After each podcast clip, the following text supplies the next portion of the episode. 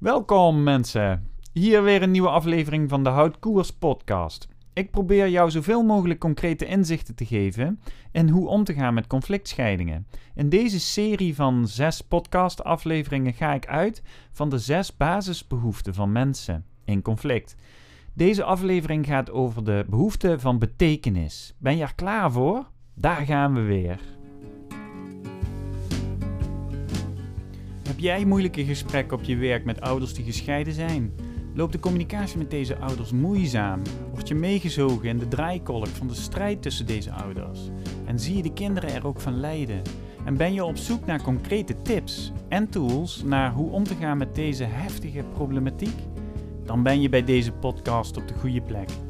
Ik ben Dennis Boegholz van Houtkoers, Coaching en Focus. En het is mijn passie om jou meer vertrouwen te geven in het omgaan met conflictscheidingen. Dat doe ik door al mijn ervaring samen te vatten in tips en tools waarmee jij direct in actie kan komen in je dagelijkse praktijk. De podcast is terug te lezen als artikel op mijn website www.houtkoers.nl/blog. Dus dat is www.houtkoers.nl/blog. Op deze website vind je ook meer informatie over de mogelijkheden voor coaching in jouw team of individueel. En dan nu snel naar de podcast.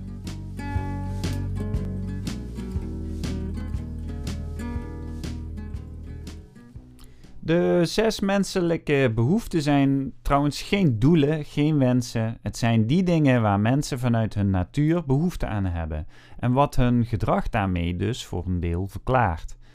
We hebben allemaal dezelfde zes menselijke behoeften, maar voor ieder mens zijn verschillende behoeften het meest belangrijk. Als ik moeilijke gesprekken heb met mensen die in conflict zijn, komen deze menselijke behoeften sterk naar voren. Ik hoop dat je dan in deze podcast inzicht krijgt in wat voor invloed deze behoeften hebben, zodat je meer vertrouwen krijgt in gesprekken met mensen in conflictscheiding. De zes menselijke behoeften zijn 1. Zekerheid 2. Variatie 3. Betekenis 4. Liefde en verbondenheid 5. Groei en 6. Een bijdrage leveren.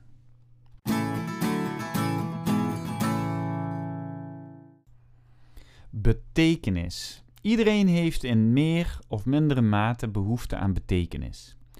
De behoefte om je speciaal te voelen en om je uniek te voelen en om niet vergeten te worden en belangrijk te zijn. Maar je zult zeggen, er zijn toch ook mensen die zeggen dat ze niet speciaal gevonden willen worden. Vooral Nederlanders hebben de motto: doe maar normaal, dat is al gek genoeg. Ik zeg bullshit. Iedereen heeft de behoefte om uniek te zijn en belangrijk gevonden te worden. En er zijn vele manieren op hoe je deze behoefte kan bevredigen.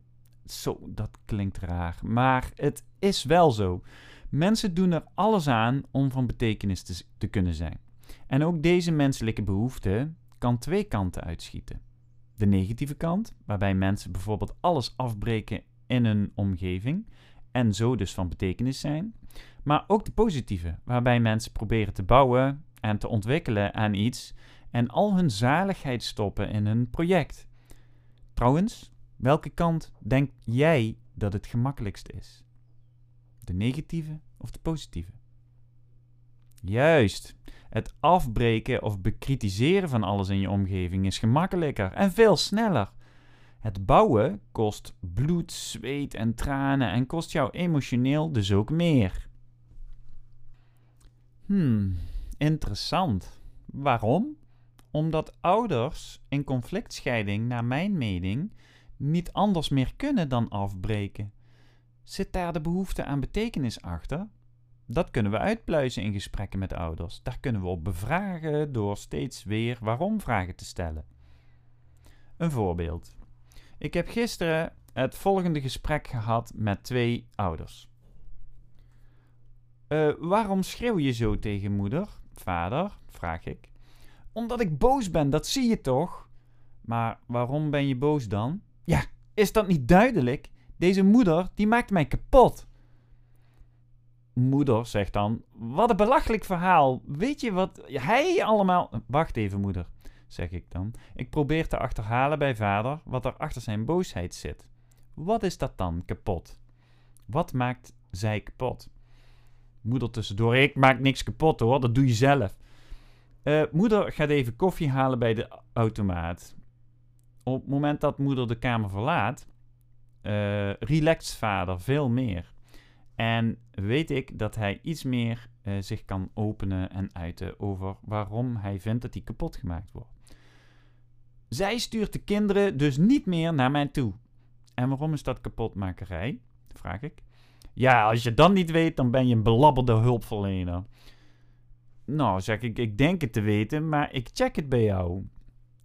Vader zegt daarop: Ik maak niks meer mee in het leven van de kinderen. Geen rapporten. School nodigt mij niet meer uit, omdat dit via moeder gaat.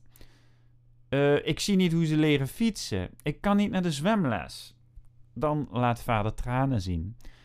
Ik zeg, dus als ik het goed begrijp, zit achter de boosheid die we nu zien, dat jij als vader gezien wil worden en dat je van betekenis wil zijn voor de kinderen. Juist ja, zegt vader. Om het af te ronden, in de vervolggesprekken met deze ouders samen hebben we elke keer de boosheid van vader, die moeder als zeer lastig ervaarde, betiteld als zorgen van een vader. Aan de buitenkant ziet het eruit als boosheid, maar van binnen voelt het als niet meer van betekenis zijn voor de kinderen. En dit ging op het maffe af in deze gesprekken. Elke keer als vader zijn stem verhoogde of begon te schreeuwen en boos werd, benoemden wij dit als: Kijk, daar hebben we vader weer. De vader spreekt zich uit. En na een aantal gesprekken kon moeder, nadat dit talloze keren was gebeurd, zelf beter omgaan met het boos worden van vader en zag moeder dit dus als vaderschap en zijn gemis als vader voor de kinderen. En natuurlijk ben je er dan nog niet, want boosheid en schreeuwen zijn nu niet de meest handige communicatieve vaardigheden in een al beladen gesprek. En dat maakt het ongelooflijk moeilijk voor ons als hulpverleners, maar ook voor de ouders. Maar het maakt het perspectief wel totaal anders. Het is geen boosheid wat je ziet, wel aan de buitenkant, maar aan de binnenkant zit een ander verhaal.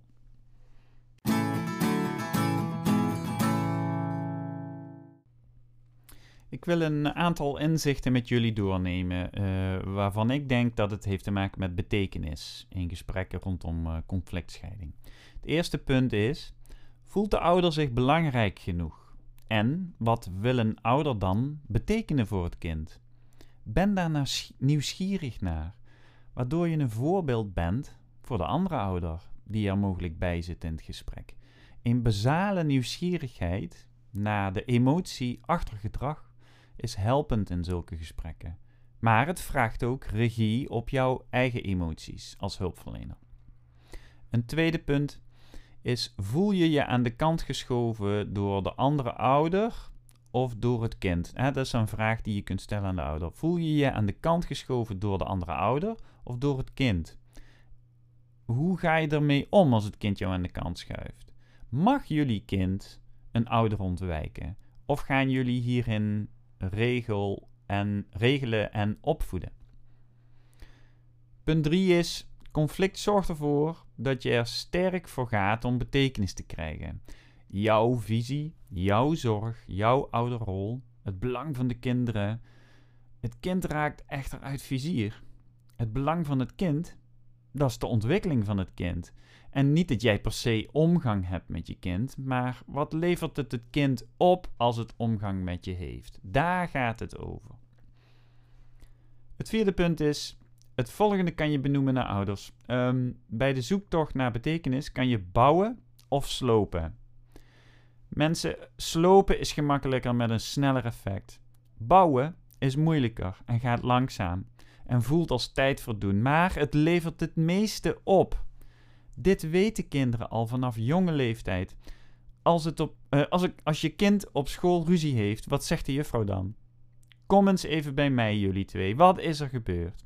En na het verhaal wat ze hebben gedaan, dan horen ze van de juffrouw, schud elkaar de hand en nu zand erover en gaan weer spelen. Maar waarom hoeven papa en mama dat dan niet? Waarom schudden papa en mama elkaar de hand niet en zand erover? Bedenk eens, ouder, welk Bedenk eens ouders welk wereldbeeld jullie kind krijgt op dit moment door jullie conflict. Het vijfde punt is dat kinderen dus ook van betekenis willen zijn. En in talloze gesprekken met kinderen komt steeds weer naar voren dat kinderen zich minder belangrijk en daarmee dus minder van betekenis voelen, omdat pap en mam vechten over zaken die helemaal niet over mij gaan. Het gaat niet meer over mij, het gaat over spullen en over geld en over recht op omgang. Maar waar ben ik? Punt 6 is: de behoefte aan betekenis kan erg zuur worden als het omslaat naar vergelding. Als jij mij niet ziet als ouder, dan zal je het weten ook. En dan zal ik er iets aan doen waardoor je mij gaat zien. Deze overtuiging bij ouders in conflict kan voor nare situaties zorgen. Het kwaad spreken naar het kind over de andere ouder bijvoorbeeld, of het kind bij je houden ondanks omgangsregeling. Of bij elk gesprek de beuk erin gooien en niet meer openstaan voor de wereld van de ander. Negatieve acties leveren namelijk sneller betekenis op dan de positieve reacties. En dat is, naar mijn mening, waarom we altijd geweld in de wereld zullen blijven hebben. Omdat het gewoonweg simpeler en sneller betekenis oplevert. Geweld. Denk maar eens aan de criminaliteit in achterstandswijken. Waarom zijn die cijfers hoog? Omdat de mensen in achterstand zich minder betekenisvol voelen. Maar met een pistool in je hand heb je plotseling een betekenis van 10. Dit laatste punt, en dat is het zevende punt, uh, geldt trouwens ook voor kinderen. Gedragsproblematiek bij kinderen tijdens conflictscheiding heeft bijna altijd te maken met de zoektocht van het kind naar betekenis bij één ouder of bij beide ouders. Um, ik ben een keer bij een lezing geweest van Martine Del Vos. Uh, zij stelt, uh, op het moment dat uh, kinderen gedragsproblematiek laten zien, naast een conflictscheiding, zou je dit bijna kunnen zeggen, het syndroom van divorcia. Uh, en, en vaak zijn het ook nog ouders die zich dan afvragen of er iets aan de hand is met het kind. Hè? In, de, in de zin van diagnose, autisme of uh, ADHD. Probeer eerst maar eens te kijken naar de effecten van het conflict op je kind. En pas dan, als er dan nog gedrag te zien is, als het conflict rustig is, dan kun je gaan kijken naar uh, of er iets aan de hand is met je kind.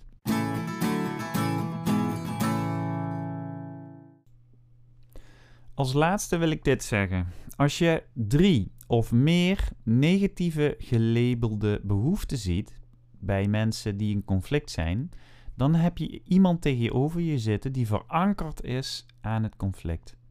Dat moet ik even herhalen. Als jij drie of meer negatief gelabelde behoeften ziet bij mensen die in conflict zijn, dan heb je iemand tegenover je zitten die verankerd is aan dat conflict. Dit betekent dus dat iemand zoveel aan zijn menselijke behoeften tegemoet komt binnen het conflict, dat diegene dus niet anders meer kan dan conflict hebben op dit moment. Dat is dus niet iemand die je met de andere ouder in een kamer moet zetten deze ouder zal eerst moeten gaan beseffen dat zij of hij verankerd is aan het conflict. En daar zie ik ook vaak traumatische ervaringen als basis voor deze verankering. Een voorbeeld hiervan is een moeder die enerzijds tegemoet komt aan de behoefte van zekerheid. 1. Zekerheid, omdat ze constant bewijzen aan het zoeken is dat vader niet deugt. Door het maken van video en geluidsopname bijvoorbeeld. Uh, maar dezezelfde moeder is zo sterk bezig met dat vader de kinderen niet verzorgt, zoals zij dat wel doet, dat zij niet meer kan openstaan voor de positieve variatie, en dat is tweede behoefte, variatie tussen een vader en een moeder. Mag een vader verschillen van een moeder? Dit is de tweede menselijke behoefte, die zij negatief labelt, variatie. Als dan ook nog speelt dat moeder de betekenis, dat is de derde, de betekenis van vader niet meer ziet in het leven van de kinderen, dan is er sprake van verankering aan het conflict. Dit zijn mensen die zelf merken dat het niet altijd klopt wat ze zeggen, maar gewoonweg niet meer anders kunnen vanuit de negatieve verankering. Ik durf te stellen dat hier wel een therapeutisch kader voor nodig is om hieruit te geraken. Uh, maar dat is vervolgens ook weer heel lastig om te adviseren, want dan moet moeder eerst erkennen dat ze een probleem heeft. Tot zover deze aflevering over de behoefte betekenis. De volgende keer bespreek ik de behoefte verbondenheid en liefde. En ook daar zitten genoeg inzichten in waar we iets aan kunnen hebben als hulpverleners. Voor mensen die in een conflictscheiding zitten. Dit was hem weer. Een podcast vol met tips en tools over hoe om te gaan met conflictscheidingen en moeilijke gesprekken in je werk. Ik hoop dat je hierdoor meer vertrouwen hebt gekregen in je dagelijkse werk. Laat me gerust weten over welke onderwerpen je meer wil weten en dan zal ik mijn best doen om ze terug te laten komen in de podcast. Je kunt dit aan mij vragen via LinkedIn of via mijn mailadres info@houtkoers.nl. Een podcast luisteren is één manier om kennis te krijgen over hoe je koers houdt tijdens moeilijke gesprekken, maar misschien zien we elkaar nog wel eens live binnen de coaching en training die ik aanbied. Of spreken we elkaar op LinkedIn, waar ik het meest actief ben. Tot de volgende podcast en houd koers!